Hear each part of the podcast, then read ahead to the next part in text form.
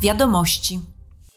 Jest zielone światło dla nowych przepisów, które wesprą gospodarkę o obiegu zamkniętym.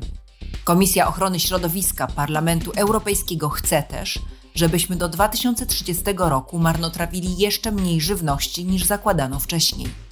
Ponadto posłowie chcą, by to producenci tekstyliów ponosili koszty ich zbiórki, sortowania i recyklingu.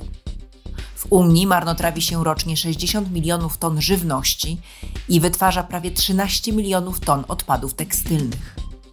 Na całym świecie recyklinguje się mniej niż 1% tekstyliów. Komisje Handlu Wewnętrznego i Ochrony Środowiska przyjęły w tym tygodniu nowe przepisy zakazujące pseudoekologicznego marketingu. Zgodnie z nową dyrektywą, aby oznaczyć produkt jako ekologiczny, firmy będą musiały najpierw to udowodnić. W przepisach określono terminy składania wniosków i zatwierdzania ich.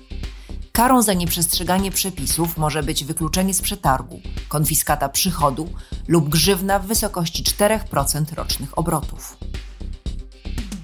Komisja Transportu i Turystyki chce, by samochody ciężarowe i autobusy były bardziej przyjazne dla środowiska.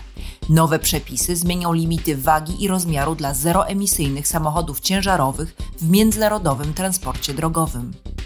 Posłowie proponują też, by wprowadzić unijną etykietę dla megaciężarówek, a także utworzyć specjalną stronę internetową z informacjami o drogach, po których będą się one mogły poruszać. Zmiana przepisów może zachęcić branżę transportową do wymiany pojazdów na bardziej ekologiczne.